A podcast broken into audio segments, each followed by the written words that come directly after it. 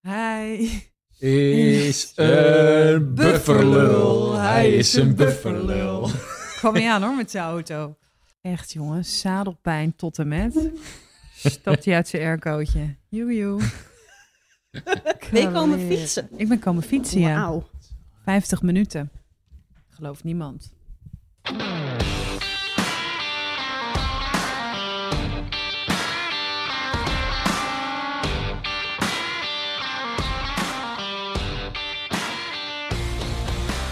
Binge-watch, studieschuld, Instagram, Tinder, ZZP, hypotheek. Van je lang zal ze leven geen hypotheek. Relatie, geen relatie, bindingsangst, verlatingsangst, keuzestress.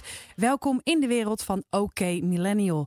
Als we onze voorouders mogen geloven, gaat het geweldig met ons. Zonder koophuis, zonder pensioen, maar in alle vrijheid.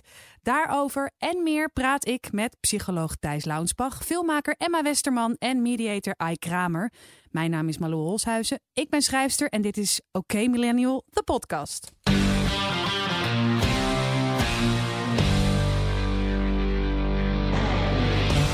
Ja, we gaan het hebben over isolement.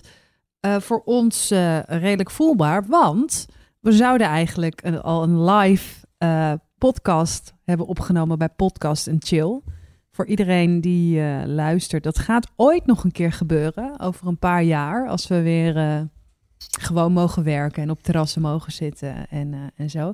We gaan het nu hebben over het isolement, dus eigenlijk ieders isolement eh, waar we in zitten. Maar ik dacht, we doen eerst eventjes een rondje om eh, te vragen, hoe gaat het eigenlijk met je?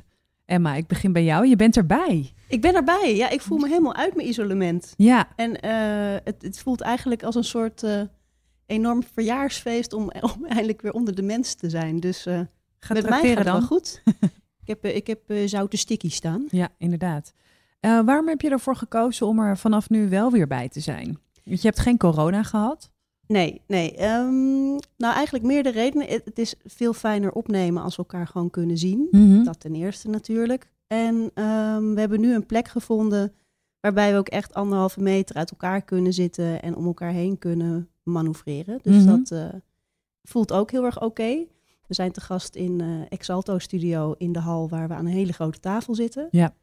En ehm, ja, en ik weet niet of jullie dat ook hebben, maar na een paar weken begin je ook een beetje te rebelleren tegen het te heftige quarantaine. Ik weet niet of jullie dat ook hebben, maar dat ik denk, ja, anderhalve meter, dat, dat, moet dit toch ook wel kunnen. Ik heb, ehm, ehm, ik heb een familie die dat eh, doet. Ehm, ik heb ooms en tantes die bij mijn opa en oma op bezoek zijn geweest. Tegen, nou ja, ongeveer iedere, eh, ieders advies Mhm. van ongeveer iedere autoriteit. Het argument was ook, ja, maar we hebben pa en ma al een maand niet gezien. Mhm.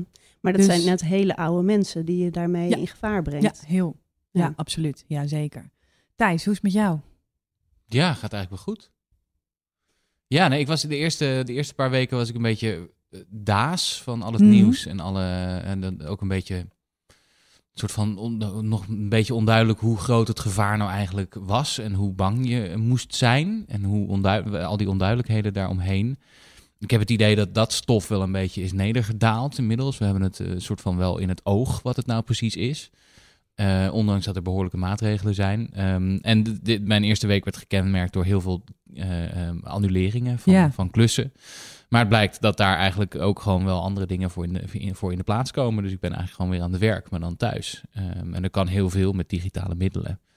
Eh, dus ik heb een fijn huis, ik ben aan het werk, eh, ik doe dingen die ik tof vind. Dus het gaat eigenlijk best wel goed. Mhm, Jij zei toen eh, de eerste keer dat we gingen afspreken, dat was dus in jouw nieuwe huis. was nog half, eigenlijk midden in jouw verhuizing konden we daar zitten. En toen zei jij, ben ook wel een beetje bang dat ik straks, dat mijn baan straks niet meer bestaat. Omdat je bent natuurlijk stress-expert. Ja, ja en het- maar dat is, eh, ook dat zit, zit wel mee. Ik heb wel het gevoel dat ik vrij makkelijk die switch kan maken naar een net ander onderwerp. Mhm. Eh, namelijk, eh, hoe blijf je in dit soort omstandigheden mentaal gezond? Ja, Of überhaupt, hoe blijf je mentaal gezond? En dat is dan wel weer een hele relevante vraag nu. En het, het, het fijne is ook dat mensen me daar ook een beetje op vinden en zo. Dus Mhm. dat, het, ik heb wel het gevoel dat dat lukt. nou, jij bent echt niet, in de, niet van de televisie te slaan inderdaad. Ik zie je overal. Dan kijk ik je Insta-stories en denk, oh, nou Thijs is weer gewoon lekker... eh, Ja, die wordt weer- zijn neusje weer lekker gepoederd. Zijn Voorhoofdje, glansje eraf. Hup, licht, Weet je camera, wat ik- actie. Weet je wat ik echt grappig vind aan Thijs? Is dat alles wat hij op social media zet, is wanneer die in de media is. Ja, Dus het is, het is echt, ik heb het gevoel alsof ik, nou, weet je, als je in een lift staat en heb je een spiegel en aan de andere kant ook een spiegel en dan krijg je zo'n hele lange rij kopieën van jezelf. Ja. Dat is een beetje het gevoel wat ik heb als ik naar Thijs, kijk. Thijs is wat- is het drosten-effect. een soort wandelende drostendoos. We zitten trouwens in de buurt bij het drostenterrein. Ja, dus precies, daar droppen we hem zo meteen af. Maar alles wat jij zet is, hey kijk, ik ben in de media geweest gisteren. Ja. En daar maak je dan een post op je social media van. Wat, wat, ik ja, ook, klopt. wat ik ook grappig vind eh, eh, aan Thijs, is dat hij eh, gewoon eh, bij, de, bij, de, bij het AD nog een podcast gaat maken. Laten we Ja. daar even over hebben. Thijs, dit is eigenlijk dus helemaal... We, we, we denken, jij denkt misschien dat we het over isolement gaan hebben. Ja, dat maar dacht ik, maar dit is een Dit is je interventie. Ik begrijp het al, ja. Fuck. Hey, en gaat die podcast over het feit dat je een podcast Ja, hebt gemaakt? ja, precies. Ja. Ja. Nee, die podcast gaat over jezelf profileren op social media. Ja, Ja, ja, ja. Nee, Thijs, je- zoals je merkt, wij zijn echt super blij eh, voor Ja, je. ik zie het al. Ja, Ja, absoluut. Ja. Ike, bufferlul. Hoe is het met jou? Met je, met je grote kutauto.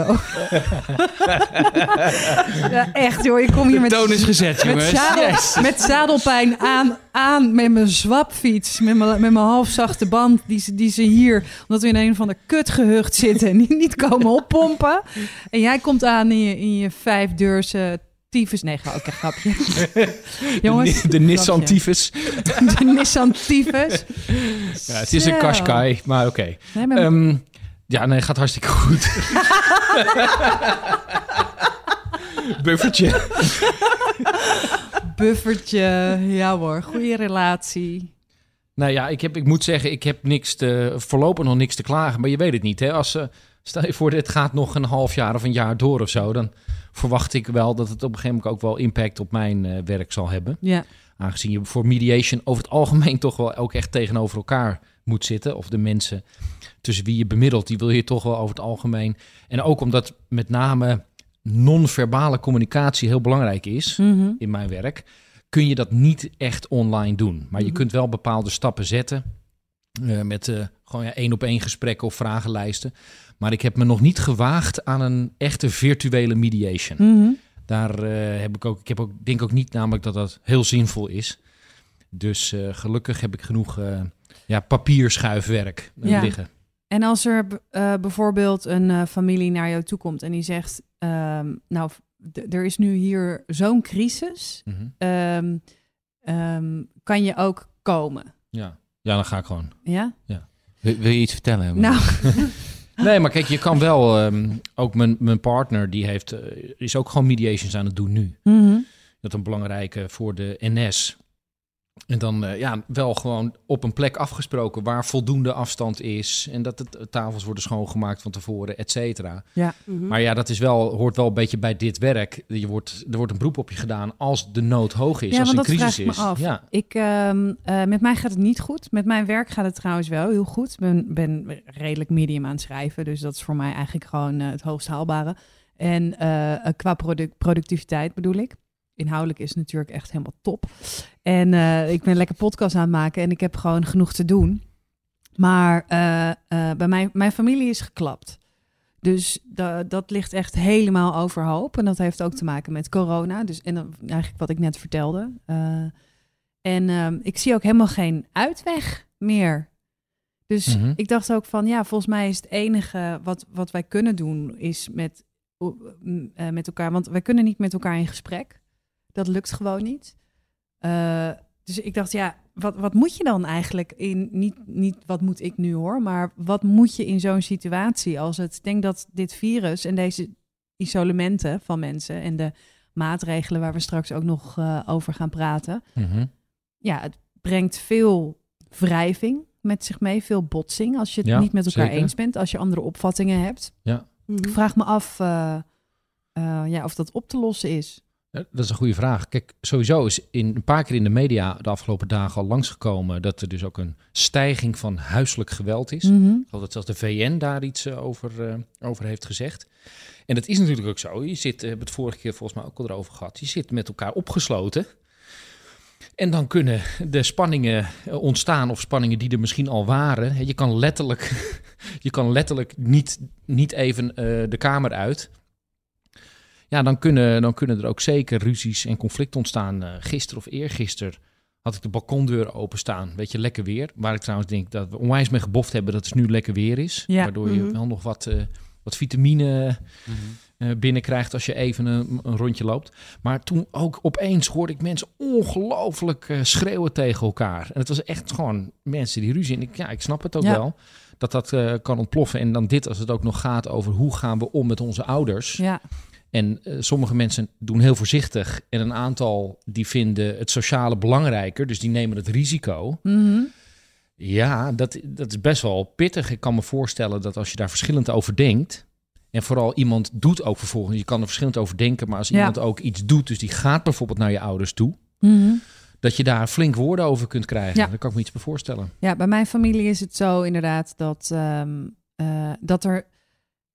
Eigenlijk kan je het vergelijken met. Ik ben een Zwarte Pieten discussie aan het voeren met de burgemeester van Urk. Dat is het. Het is gewoon. Het is niet te doen. Het is de blokkeervries tegen kick-out Zwarte Piet. Mhm. Eh, eh, dat, dat zijn de gesprekken die we aan het voeren zijn. Dus ik, we, ik ben me ook nu. Ik zit hier ook een beetje mellow eh, te schelden op jouw auto. Omdat ik gewoon wel een beetje. Ja, verslagen Er zit wat Ben- frustratie onder de oppervlakte. ja, nou dat niet eens meer. Die, het is al Hm. meer dat ik dat, dat ik die dat ik dat frustratie heb ik en dan kan je dat nog ergens gebruiken om energie. eh, die frustratie geeft ook een soort van energie waar je dan mee naar een oplossing kan zoeken. En dat, dat is er gewoon niet. Een Dus beetje het is ook een beetje, ja, dat. Ja. Eh, ehm, maar goed, het sluit heel erg goed aan op eh, waar we het over gaan hebben. Want Thijs, ik wil eigenlijk bij jou beginnen. Oké. Eh, wat is de impact van isolatie op je geestelijke gezondheid? Ja, dat, dat hangt er dus een beetje van af. Ik dacht in eerste instantie dat gezien de huidige omstandigheden... dat het op zich wel mee zou vallen. Kijk, je hebt natuurlijk een... Je hebt een kleine groep mensen die sowieso al een onveilige thuissituatie heeft... of een moeilijke thuissituatie op de een of andere manier. Die zijn wat meer at risk. Maar ik dacht voor die grote groep zal het misschien wel enigszins meevallen. Want we hebben een welvarend land en we, kunnen vaak, we hebben vaak een plek om in isolatie te gaan. Dus als je ergens in isolatie moet, doe dan maar in Nederland over het algemeen. Ehm, dus dat was mijn eerste gedachte daarover. Maar ik, ik zag dat er een eh, rapport uit was gebracht in The Lancet, het, het eh, wetenschappelijke eh, blad, ehm, van een meta-analyse. Wat dus een stel wetenschappers is die heel veel verschillende onderzoeken bij elkaar hebben gegooid en daar een soort samenvatting van hebben gemaakt. En daar, eh, die, do- die onderzoeken zijn dan naar wat is het effect van quarantaine op de mentale gezondheid.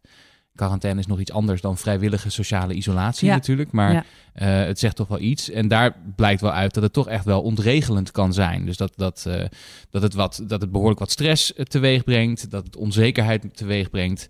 Ehm, dat het eh, dat, eh, angst en hè, angst om besmet te worden bijvoorbeeld. Of over de, voor de toekomst. Mhm. Zorgen om geld, zorgen om je gezondheid, al dat soort dingen.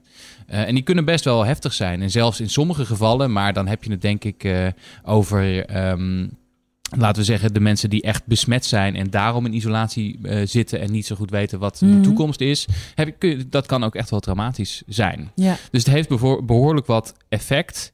Zeker, denk ik, in deze tijden waarin we sowieso heel graag controle willen hebben over ons leven. En controle willen hebben over eh, hoe ons leven, eh, het over leven en dood. En over hoe ons leven eruit ziet en welke keuzes we zelf kunnen maken.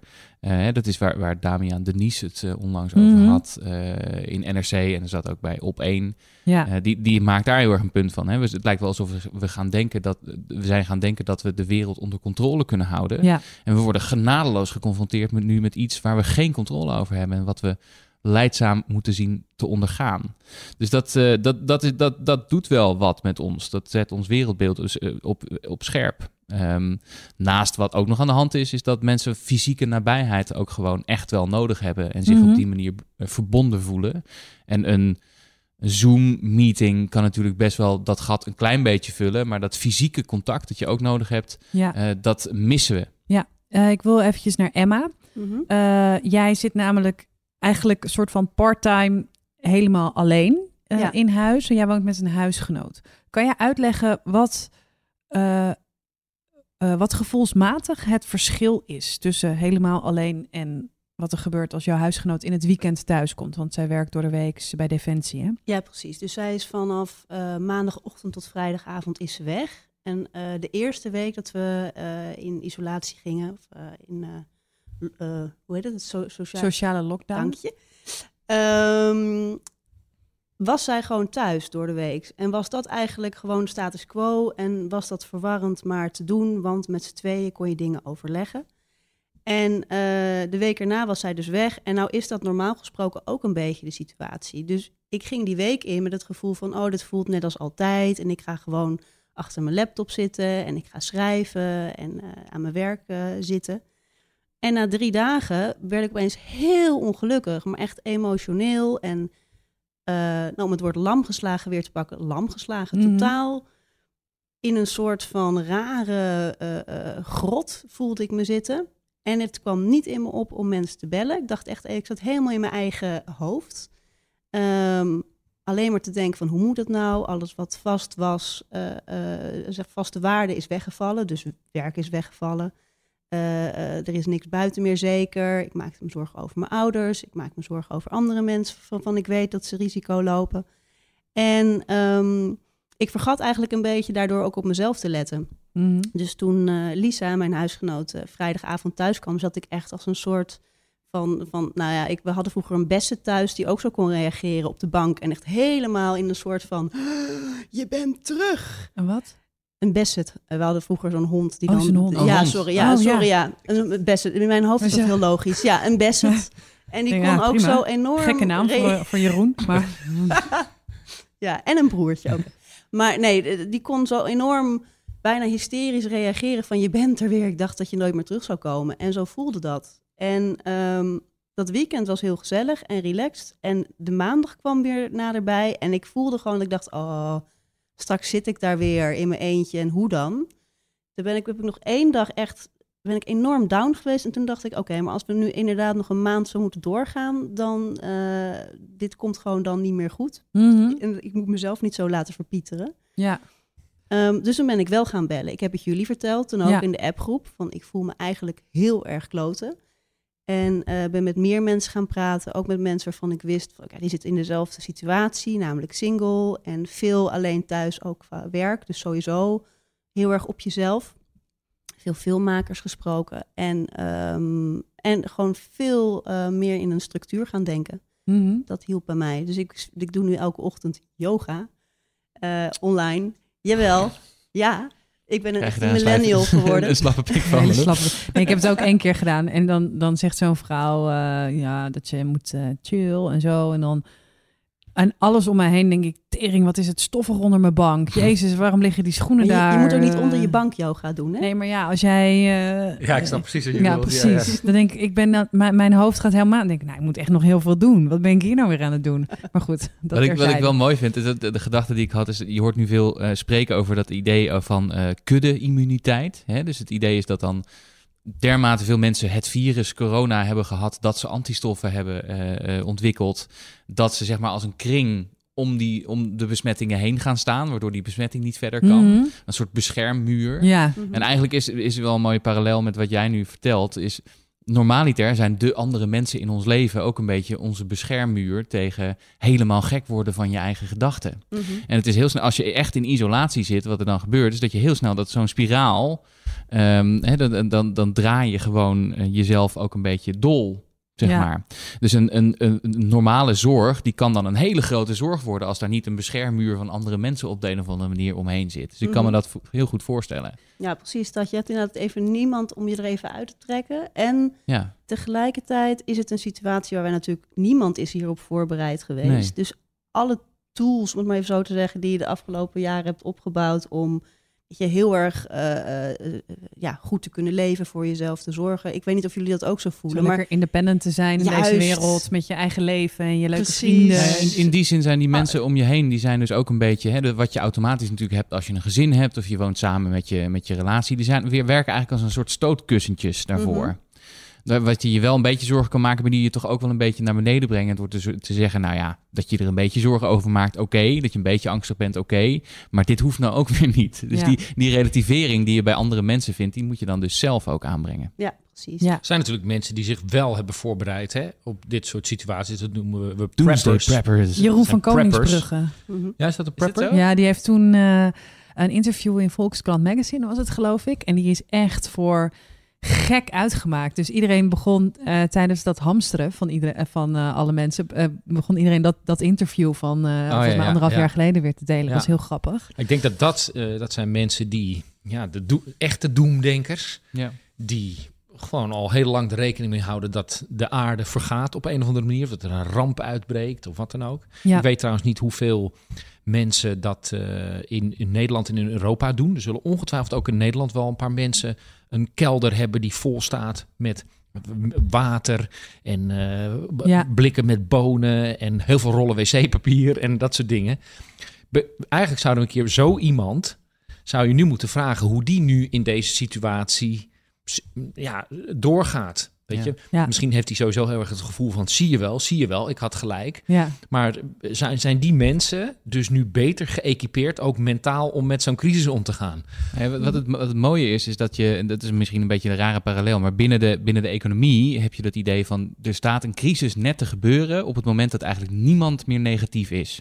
Iedereen is laaiend positief, kan zich niet meer voorstellen dat er ooit iets zou kunnen gebeuren. En dan, bam, krijg je een economische crisis. Ja. Ja. Iets dergelijks is er misschien ook wel net voor deze coronacrisis gebeurd. Dat we gewoon het niet meer konden voorstellen dat een keer de winkels niet meer open zouden zijn. Of Ja. er niks meer te krijgen zou zijn. Of we onveilig zouden zijn in ons eigen Nou, land. wat ik me Mhm. wel eh, eh, een beetje be- besef, is dat ik was heel erg eh, down als het ging over het klimaat en over hoe we daarmee omgaan als mensheid. En dat ik dacht, ja, er moet zoveel veranderen. Zoveel veranderen om, eh, eh, nou ja, voor eh, jullie kinderen eh, nog een beetje eh, een mooie wereld achter te laten. En niemand wil het. Niemand wil het. En nu denk ik, en nu gebeurt er iets. En eigenlijk wil dan iedereen gewoon meewerken. Dus dat is toch nog wel een soort van klein lichtpuntje. Onder druk wordt alles vloeibaar, Ja. zeggen ze dan. Nou, ik vind het niet eens een klein lichtpuntje of zo. Ja, Mag ik daar wat over zeggen? ja zeker. Oké, doe ik wel even een kleine disclaimer van tevoren. Dat het heel serieus is wat er gebeurt. En dat er mensen eh, risico Ja. lopen en dat er echt mensen sterven. Ik zag net dat waarschijnlijk ligt het twee keer zo hoog het getal als eh, wat tot nu toe. eh, En misschien wel schattingen goed zijn. om te zeggen dat dit dus 10 april wordt opgenomen. Ja. Dat we niet weten wat er in de komende weken gaat ja, gebeuren. nou ongeveer het, Ja. ik denk ongeveer hetzelfde als wat er eh, wat de afgelopen twee weken gebeurd is. Mhm. Ehm, de, want inderdaad, ik ben het sowieso even, wat Thijs, wat jij net zei, ik ben het er wel mee eens. Dat we het idee hebben dat we het leven onder controle hebben. En dat we daarmee geconfronteerd worden nu dat dat minder zo is. Ik denk dat het ook wel meevalt, want dat inzicht hebben we ook. Hè. Er zijn heel veel grote virussen Mhm. om de zoveel tijd. En er zijn ook landen waar heel veel verschrikkelijke dingen gebeuren, waar het leven een stuk onzekerder is dan eh, hier in het, eh, in het mooie Holland. Maar de, mm, ja, ik, ik vind gewoon een aantal dingen. Ik denk dat het best wel leerzaam is voor ons als samenleving, wat we nu meemaken. Mhm. Ik denk dat er een aantal dingen die heel vanzelfsprekend zijn geweest de afgelopen decennia. Bijvoorbeeld dus dat het normaal is om altijd maar meer te willen. Dus noem het maar even het groeidenken. De hele economie is gebaseerd op groei. Nou, daar hebben we gelukkig om de zoveel tijd een flinke crisis die ons daar eh, een les geeft. Dat heet een hypotheekbubbel of een bankencrisis of wat dan ook. Dat is ook allemaal niet zo lang geleden. Dat is best wel heftig. Mhm. En nu hebben we dan eentje die echt gaat over gezondheid. Maar het maakt ons denk ik wel ook bewust van een aantal dingen. Mhm. Dat als je met heel veel mensen op een kluitje leeft, dat dit soort eh vier, hè, dat dingen, je, ja, je hebt eh, fysieke virussen, maar ook mentale virussen, dat die verspreid kunnen raken. Dit is waarom natuurlijk megastallen. Daar zijn voortdurend van dit. Wat denk je met die kippen die geruimd moeten eh, geruimd Ja. worden Mhm. om de zoveel tijd? Dat zijn van dit soort virussen. Mhm. Die hebben daarmee te maken. Dus ja, ik heb toch ook wel het idee dat we nu een beetje terug worden geworpen. Weet je wat helemaal het compleet zal maken? Is als de televisie. eh, of ja, internet zou wel meteen heel erg zijn. Maar stel je voor dat je ook gewoon geen televisie, geen Netflix, geen internet, wat dan ook. Dan wordt het denk ik eh, een, weer een heel ander Dan verhaal. wordt het een oorlog. Ja, dan Erbij. nou, wordt het een oorlog of niet? Want je Mm. ziet ook wel dat we wel ook echt in staat zijn om ons aan te passen. Ja. Nee, bo- boodschappen doen nu.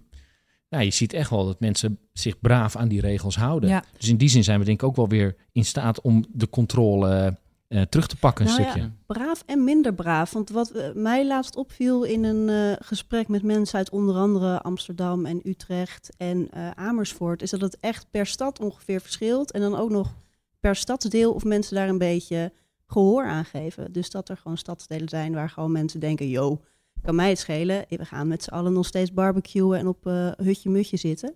Misschien is dat ook wel een interessante vraag van in hoeverre, want dat is, ehm, ik vind dat een heel goed punt. En ik moet je zeggen dat er ook bij mij enige onduidelijkheid bestaat over wat er nou wel precies mag en wat niet. Mhm.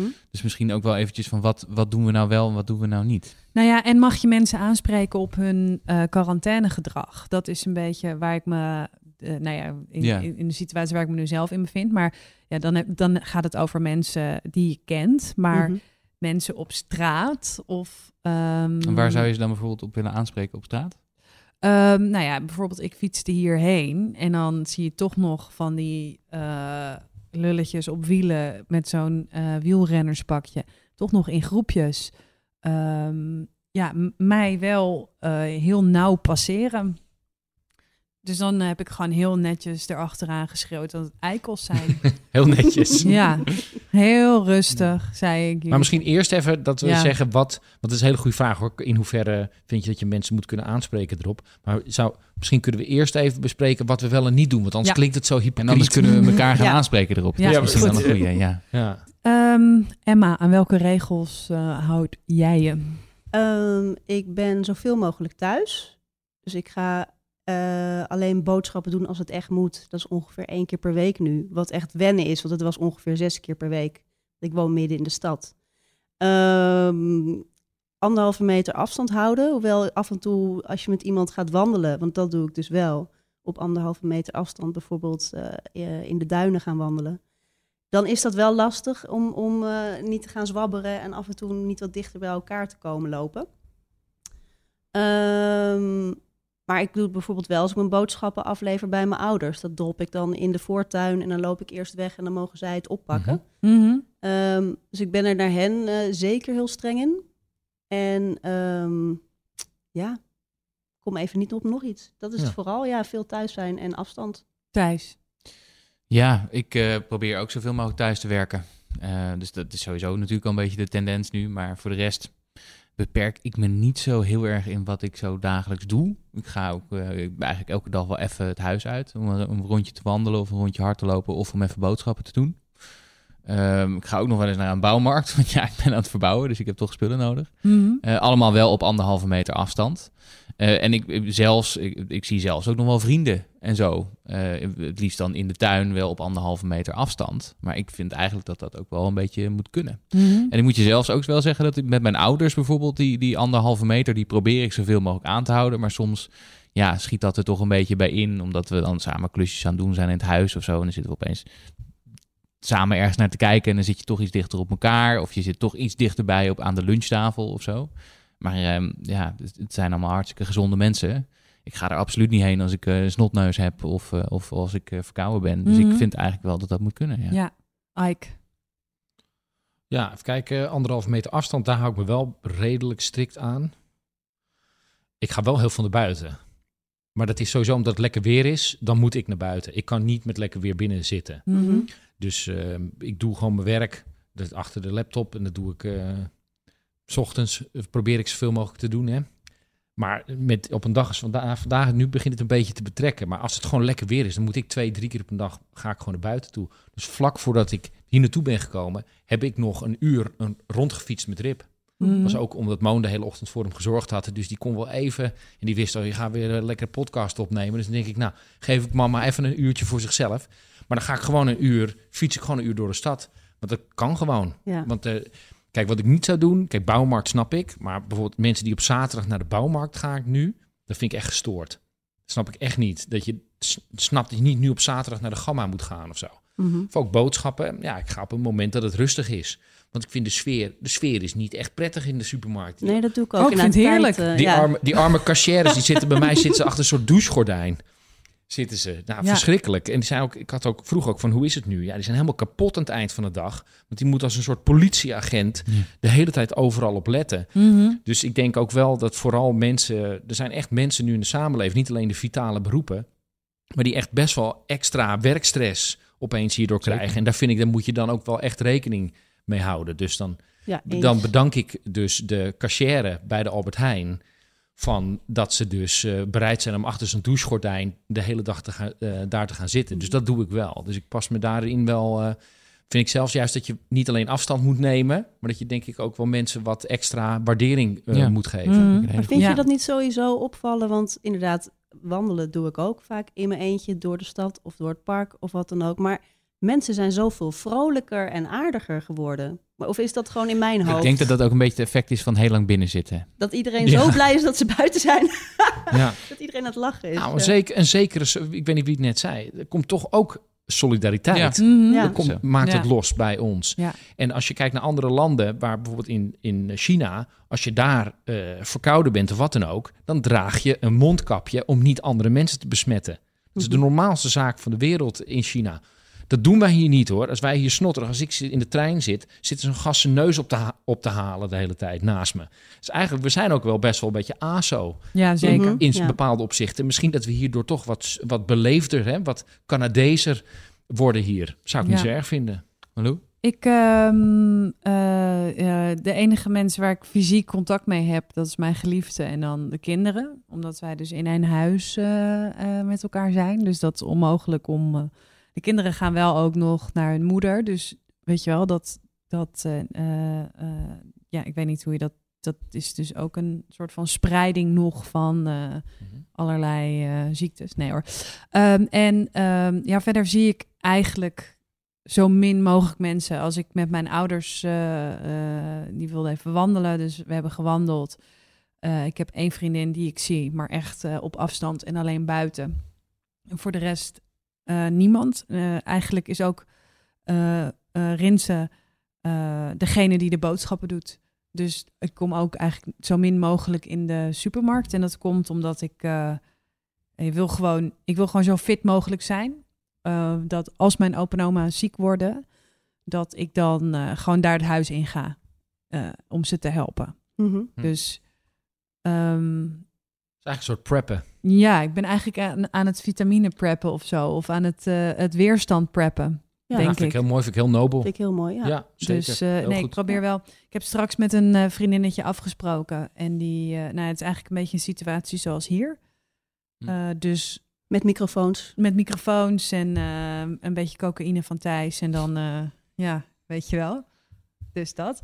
Ehm, heb Ik zie je jij, straks nog een tikkie. Emma, heb jij, eh, ben jij in een situatie terechtgekomen waarin je tegen een eh, bekende wilde zeggen, of misschien wel hebt gezegd, ja, ik vind gewoon niet oké wat jij doet. Ehm, Corona-wise. Corona-wise. Ehm, nou, we hadden laatst een, een discussie eh, erover, over eh, het filmen van een ehm, bedrijfsfilm van een collega van mij die zei, ja, we hebben publiek nodig. Dat moet in, in beeld komen, dus dat gaan we oplossen door eh, twee gezinnen uit te nodigen. Mhm. Die allebei dan ver van elkaar drie aan drie kunnen zitten. En dat klopte dus eigenlijk wel. De aanpak klopte helemaal. Het was helemaal co- corona-proof. En wij zeiden alleen maar van ja, maar als je dit nu gaat eh, filmen en daarna wordt dat ergens online gezet, dan kan je erbij zeggen wat je wil, maar mensen gaan niet geloven dat je deze voorzorgsmaatregelen hebt genomen. Dus zou je dat nou wel doen? En dat werd best wel een, een pittige discussie, inderdaad. Ehm, uiteindelijk heeft hij het volgens mij niet gedaan. Gewoon inderdaad vanuit het idee dat kan je niet eh, hard maken. Maar dat, dat werd ook een, een discussie over maken in, in integriteit eigenlijk. En waarbij mensen het heel erg eh, persoonlijk gaan opvatten. Eh, of alsof je echt een, een verkeerd gedrag vertoont of zo. Als mensen je erop aanspreken. Als je begrijpt wat ik bedoel. Dus ehm, Nee, nee. sorry, ik ben je kwijt. ja. Nee, als je zegt tegen iemand, nou, ik ben het er niet mee eens dat je, dat je een publiek gaat opnemen, dan wordt het een, een, een heel snel een verhitte discussie over eh, of je niet genoeg loyaliteit eh, laat zien naar de medemens of zo. Daar wordt Ja. het dan heel snel op. Maar is het ook niet zo dat zodra je iemand aanspreekt op eh, zou je dat wel doen? Hier spreek je eigenlijk altijd iemand aan op zijn verantwoordelijkheid. En niemand wil aangesproken worden op zijn verantwoordelijkheid door iemand Nee. anders. Nee? Nou, er zijn inderdaad eh, veel mensen die daar niet sportief op reageren als ze kritiek Ja. krijgen. Ja, dit, dat is de vraag. Hè. Kun je met kritiek omgaan of niet? Mhm. Ik moet zeggen, zelf. Eh, ik vind dat je iemand moet kunnen aanspreken erop. Tot nu toe ben, ik- eh, ben ik vooral degene die aangesproken wordt. Ja? Dus ja, ik liep ehm, door de supermarkt vanochtend met mijn wagentje. Hè, want je moet dan een wagentje, om- omdat ze dus tellen hoeveel mensen Ja. in de supermarkt zijn. En inderdaad, het houdt wat afstand. Het is een soort buffertje. Pufferlul. Een soort buffertje. en, Pufferlul. en toen liep ik. En toen zei zo'n kerel van, hey, is eenrichtingsverkeer. En toen bleek inderdaad dat ik niet de goede route volgde. Oh ja. En dat ik dus daardoor... En zo, ja, en dan zeg ik, nou oké, ja, het is goed dat je het zegt. ja. Dus dat ik vind wel, eh dit zijn nieuwe normen. Dat moet, we moeten daar een beetje leren mee omgaan. En dan als iemand je ergens op aanspreekt, vind ik, moet je gewoon zeggen: ja, is goed, let ik op. Mhm. Ja, eh, inderdaad, als iemand zich meteen aan. Maar ik denk wat daar speelt is, is het kan niet en heeft het impact op zijn planning voor zijn project. Dus dan staat er, dat kost heel veel tijd. Dat zou in theorie, ik denk ook Malou het voorbeeld wat jij gaf, dat is veel fundamenteler. Mhm. Gaan we wel of niet bij onze ouders Ja, op bezoek? Dat, dan wordt het echt dilemma's. Mhm. En dat is, dat is veel pittiger. Maar op straat, natuurlijk toch? Als iemand zijn, hond, zijn hondenpoep niet opruimt of zo. Dat vind ik ook. Dan moet je ook kunnen aanspreken. Nee, ik- Reageer er trouwens over het algemeen niet erg sportief op als je dat doet. ja. Nee, nee, dat klopt. Thijs. Maar ik, ja, ik moet je zeggen, ik ben, ik ben er ook wel een beetje van geschrokken. Van, eh, zeker toen net die maatregelen er waren, dat je heel veel ontzettend heilige boontjes kreeg. ja. Die op Instagram en op andere eh, social media eh, vooral de hele tijd andere mensen de maat aan het nemen wa- waren over wat ze wel en niet moesten doen. En kijk, mij is heel goed en braaf zijn. En kijk, al die andere mensen is, die ver, vergallen het allemaal voor iedereen. Dus ik vind dat daar ook wel een beetje een naar trekje van de Nederlanders naar boven Mhm. is gekomen. Namelijk kritiek op anderen over wat zij wel en niet doen. Ja. Ehm, en ik, ik vind het ook eigenlijk misschien ook wel een voorbeeld van waar ik het net over had, hè, dat die controle willen hebben. En niet alleen controle willen hebben over je eigen doen en laten, maar ook Mhm. de controle willen hebben over wat anderen wel of niet doen. Hoe anderen met deze regels omgaan. En Maar- het, is, het is dus niet zo volgens mij, even realistisch gezien, dat ehm, iedereen besmet is en dat je van elke sociale interactie in principe corona krijgt. Ja. Mijn lezing ervan is dat je er gaat een virus rond. Als iedereen zich zoveel mogelijk aan dit soort maatregelen houdt, dan blijft die verspreiding van het virus zoveel mogelijk ingedampt. Maar dat is wat anders dan doen alsof iedereen een potentiële besmetter is en je op, op eieren moet lopen om niet besmet te raken, volgens mij. Nou, volgens mij gaat het niet om indammen, het gaat om vertragen. Ja, ja, ja, Dus dat is mitigatie wel wat anders. Ja, hè. nee, het, is- klopt. het idee is dat eh, het virus door de samenleving heen rolt. Hè. Mm. Dat Ja. is nu de strategie. Maar het is Nederland. niet zo dat iemand doodgaat op het moment dat je een keer een stapje voorbij die anderhalve Nee. meter... Maar Nee, het dat kan is het wel, gewoon want kijk, dat is een beetje. ehm, eh, ik betrek het nu op mezelf hoor. En ik voel me dan in deze even aangesproken door jou, Ja. niet één op één, maar wel deze situatie. Over Ja. mij wordt namelijk gezegd: eh, je bent belerend en je overdrijft het. En eh, nou ja, ik, ik kreeg Mhm. echt een, een, een, berichtje van mijn oom. eh, eh, jouw stress is Mhm. minstens zo gevaarlijk als het coronavirus. Dat ik denk van, maar jongens, vergeten we ook niet af en toe dat het wel gaat om ehm, een virus wat heel gevaarlijk is en waar mijn overgrootouders wel heel veel mensen dus met opa, heel veel opa's en oma's van, van mensen wel dood aangaan. En dan als ze eraan doodgaan, is dat op een hele nare, eenzame manier. Tuurlijk. Eh, Wat- ik vind dat mij- heel last. Ik vind het heel lastig, Ja. want ik vind, ik wil helemaal niet eh, eh, heel erg uh, gest- nee, ik, ik ben, opgeheven vingertje. nee, ik ben helemaal niet gestrest trouwens hoor, want ik, pro- ik probeer gewoon heel rustig uit te leggen van, nou ja, het- je kan het beter niet doen en eh, weet je, het is een overweging. Als jij het wel wil doen, kunnen we dat doen, maar dan moeten we dat met z'n allen eh, bespreken. Dus weet je wel, daar gaat het niet, om, maar het gaat erom wat ik heel erg merk is dat als je mensen erop aanspreekt, dat je zegt van, joh, Ehm, volgens mij is het niet helemaal goed gegaan en um, moeten het over hebben. Want um, ja, de richtlijnen zeggen dat andere mensen zeggen, ja, maar ik heb daar scheid aan. En dat dan eigenlijk het, gesprek, het conflict gaat over uh, het aanspreken. Ja. En niet Ja. meer om, Ja. om de inhoud en wat er aan de hand is. En ik denk dat dat, Maar dat, hoor ik veel. hebben- en dat ja. zie ik ook veel. Wat jij, wat jij zegt op social media, dat, dat zie ik ook wel. Alleen maar dan ben ik dan misschien even het kampje Ja, Je mag nee, maar dat, niet. dat kan ik me heel goed voorstellen. Het is wel. Ik, ik ben daar misschien tamelijk radicaal individualistisch in. Ja. Ik, vind, ik vind dat je voor 100% controle hebt over je eigen handelen. Ja. En eigenlijk zo min mogelijk controle over het handelen van andere mensen. Mhm. Te meer als dat mensen zijn die gewoon nog hun eigen beslissing kunnen nemen over wat ze willen. Ehm, en, en, en dat je, als je wel probeert daar controle op uit te oefenen of verantwoordelijkheid voor te nemen, dat je heel veel weerstand krijgt, omdat het gewoon niet prettig voelt als iemand anders probeert verantwoordelijk, verantwoordelijkheid te nemen over jouw eigen autonomie, Mhm. zeg maar. Ehm, ja, ik ben het sowieso wel eens. Volgens mij hebben jullie nu wel de twee uitersten te pakken. Ja, Tuurlijk. Dus aan de ene kant mensen die belerend zijn, ik omdat dus, ze ja. dat vooral een beetje voor de... Nee, nee, nee, nee, nee. Want Ja. hij heeft het over mensen die het ook een beetje voor de show doen. Mhm. Dus dat is hè, wat, eh, wat geen stijl dan de good, good mensch. Ja, heilige boontjes. Hè, Ja. Van kijk, Ja. kijk eens, ik hou me er zo heel goed aan. En nou oké, dat ik, ik heb dat zelf nog niet gezien, maar ik heb natuurlijk een hele lage media-inname, dus dat Mhm. heb je geen last van dat soort eh, vervelende types. Op, ik snap wel wat je bedoelt. Is ook een beetje fake. Aan de andere kant, het is wel een soort van poging om bij te dragen aan die solidariteit. Hè? Dus je zou kunnen zeggen, dat is dan de eerste stap misschien. Hè? Zijn ze half woke? En dan de volgende stap is dat je ook nog mensen niet te veel lastig valt met jouw mening. Hè? Dan ben je helemaal woke. Ehm, en, eh, maar toch aan de andere kant, dit, is, dit gaat dus niet over individualisme. Dit Mhm. gaat over de samenleving. Dit Mhm. gaat over de gemeenschap. En daarbij hoort ook dat we elkaar aanspreken. Want tieners willen gewoon een jointje roken in het park. Of achter, bij elkaar achterop op de scooter. Of er zijn mensen die eh, zich niet bewust zijn van dat ze een, toch een risico nemen. Hè? Mhm. Dat zij bijvoorbeeld Ja. denken, het valt wel mee. Dus ik denk wel, ook hier, dit is nou typisch een voorbeeld... waarbij het dus wel de bedoeling is dat we elkaar aanspreken. Ja, Want dat, dus is, dat is hoe je als gemeenschap... adviseren wel, maar proberen je wil op te leggen.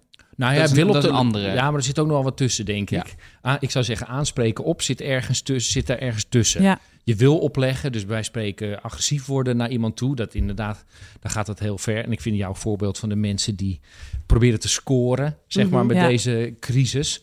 eh, om te laten zien hoe goed ze zijn, dat vind ik ook wel heel ver gaan. Maar ik denk dat wat Malou doet, opkomen, zeg maar, voor je, je ouders. Mhm. Grootouders. Ja, grootouders.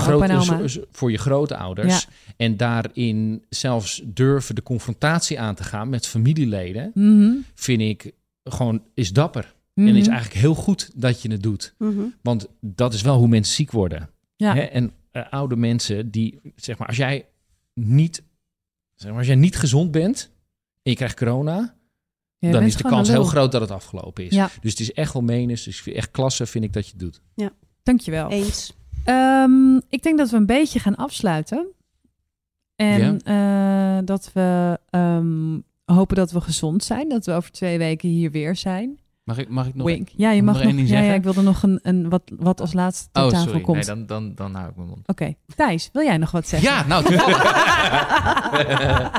Eh, nee, ik, ehm, ik, ik, ik, ik heb dus veel gelezen de laatste tijd over die controledrang. Hè? Ja. Ehm, en daar had ik het toevallig ook over. Ik heb vanochtend iemand geïnterviewd, een, een, een psycholoog, Saskia Geraerts. En daar had ik het hier ook over. Van hoe, hoe, hoe hou je je nou mentaal gezond? En hadden we het ook over controle. En die zei, ja, controle, dat is eigenlijk proberen de omstandigheden naar je hand te zetten. En de drang om de omstandigheden te controleren.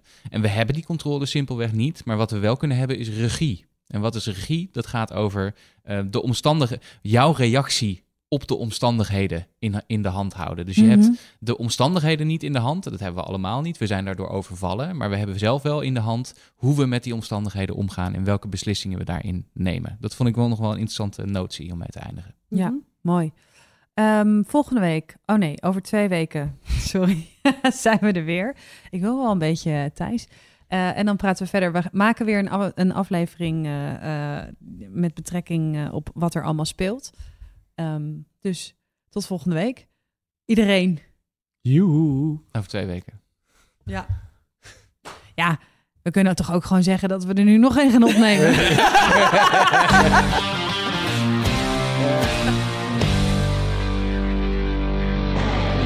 We luisterden naar OK Millennial, de podcast van Het Parool. Post, vragen en opmerkingen, die mogen naar okmillennial.parool.nl. Abonneer je op onze podcast, want dan download je hem vanzelf... en dan hoef je daar in ieder geval niet meer over na te denken. Over twee weken dan praten we verder. Dan zijn we er weer. Emma Westerman, Ai Kramer en Thijs Launsbach. OK Millennial, de podcast. Mijn naam is Malou Holshuizen en de groetjes. Doei.